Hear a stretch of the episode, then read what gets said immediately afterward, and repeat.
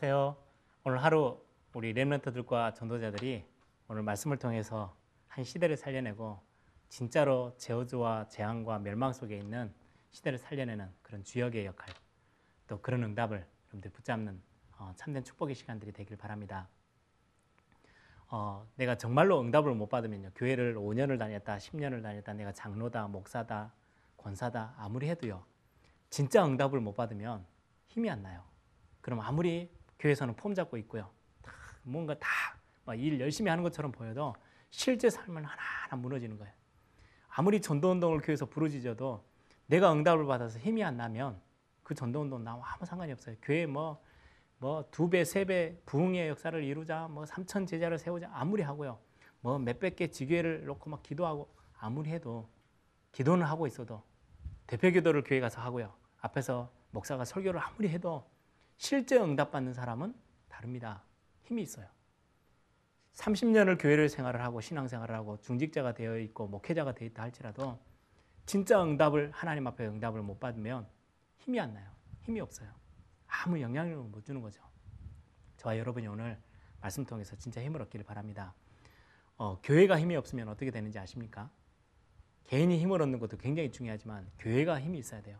여러분들 전에 얼마 전에 어, 조그마한 미국 쪽에 그 밑에 있는 섬이죠.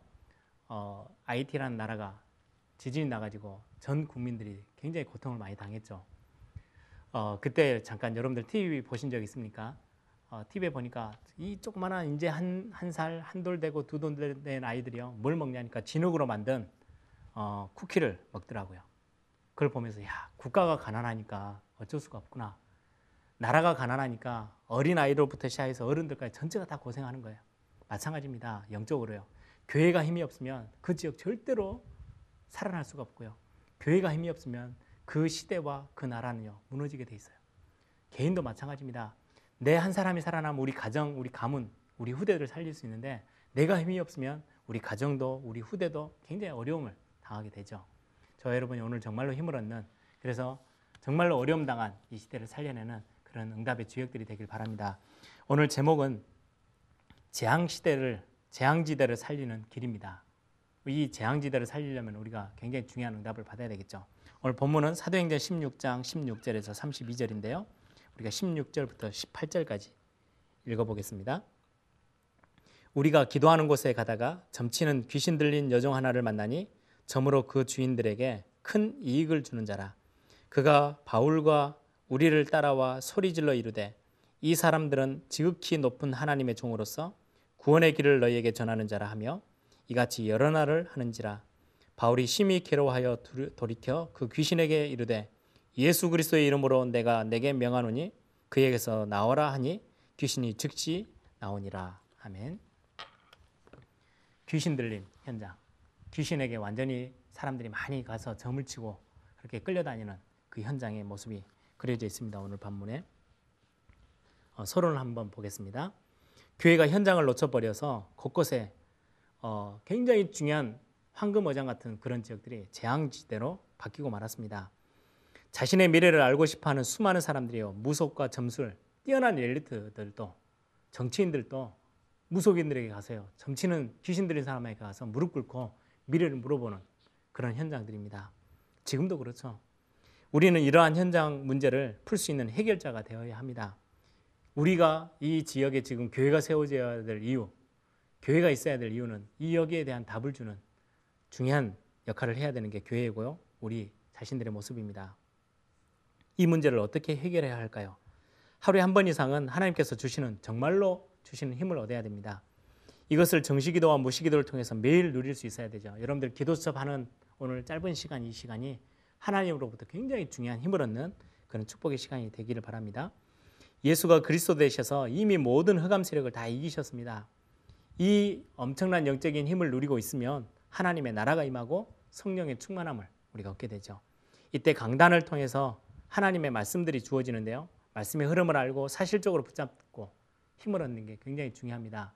여러분들 교회를 놓고도 기도하세요. 안디옥 교회처럼 저희 교회는 예배 시작할 때마다 그런 기도 제목을 붙잡거든요. 주의 손이 함께하고 주의 은혜가 보이는 그런 교회 응답. 그래서 이 교회 안에서 내 개인이 살고 내가 살아나면 우리 가정도 살릴 수 있고 지역도 살릴 수 있고 우리 후대도 살릴 수 있다. 전 세계를 복음할 수 있다. 정말 주의 우리 교회 주의 손이 함께하고 주의 은혜가 보이고 제자들이 일어나고 경제 축복까지 회복되어져서 시대를 살리는 교회 정말로 교회다운 교회가 되도록 어, 기도하는 마음이 저와 여러분에게 오늘 회복되기를 바랍니다. 첫 번째입니다. 하나님께서 주시는 응답이 이렇게 되어지면 계속 되어지기 시작하죠. 하나님께서 매일 우리에게 성취될 말씀을 주시고요. 그 말씀은 모든 사람에게 정확한 해답이 되어집니다.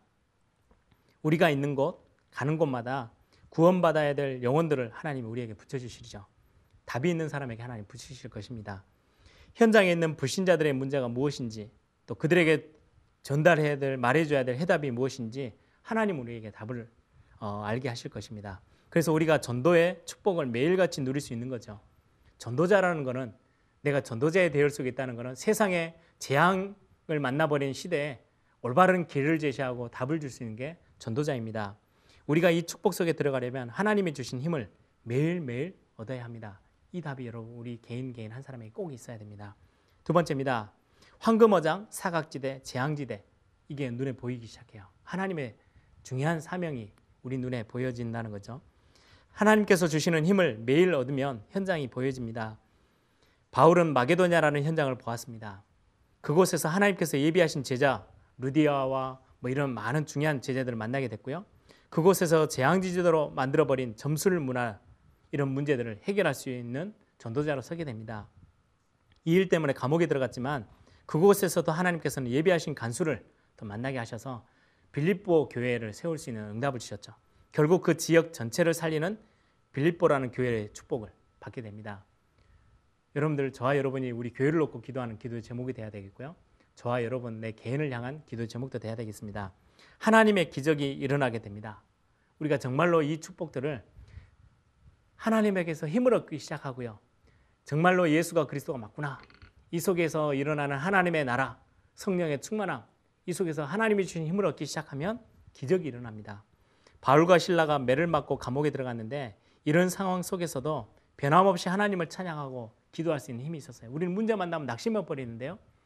문제 만나도 그 속에서 하나님의 힘을 얻고요. 탁 찬양하고 기도할 수 있는 뭔가의 비밀이 있다는 거죠. 그 후에 감옥 안에 엄청난 역사가 일어났습니다. 그곳에 예비되었던 간수가 구원을 받고요.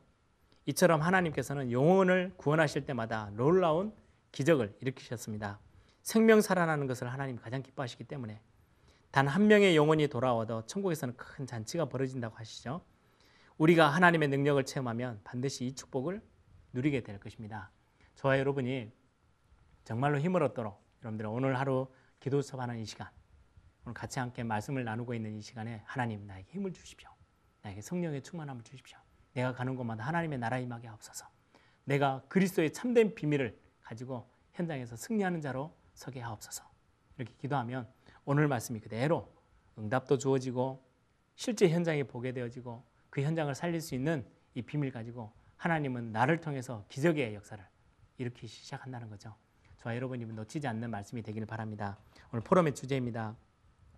하나님이 기뻐하시는 영혼 구원을 위해서 오늘 나는 오늘의 전도 어떤 결단을 내릴 것인가? 나는 어떻게 기도 속으로 들어갈 것인가? 나는 오늘 어떻게 말씀을 붙잡을 것인가? 여러분들이 한 번만 생각하는 시간이 되길 바랍니다. 기도하겠습니다. 좋으신 아버지 하나님, 정말로 중요한 하루하루 삶 속에서 우리가 놓치지 말아야 될 응답을 붙잡는 시간 되게 하시고 정말 재앙지대를 살릴 수 있을 만한 영적인 힘을 회복하는 또 하나님이 위로부터 주신 힘을 얻는 귀한 오늘 하루하루가 되도록 하나님이 축복해 주옵소서. 우리가 많은 만남, 사건, 문제, 분위기 속에서 영적인 힘을 잃지 아니하고 하나님이 주신 힘을 얻을 수 있는 영적 비밀들을 개인 개인이 절대로 놓치지 않도록 하나님이 오늘도 은혜를 우리에게 허락하여 주옵소서. 주 예수 그리스도 이름으로 기도